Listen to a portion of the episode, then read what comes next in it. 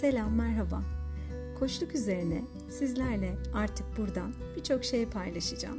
İzninizle başlangıçta çok kısa koçluğu e, ICF ve AC tarafından tanımını ifade etmek istiyorum.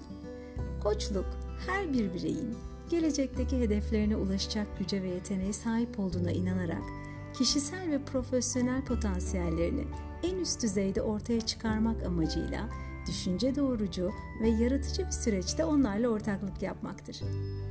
AC'nin tanımına göre de koçluk alan bireyin iş performansını, yaşam deneyimini, öz yönelimini, öğrenimini, kişisel gelişimini kolaylaştırdığı, karşılıklı işbirliğini merkeze alan sonuç odaklı sistematik bir süreç. Sizlerle artık koçlukla ilgili yolculukta birlikte olacağım. Sevgiler.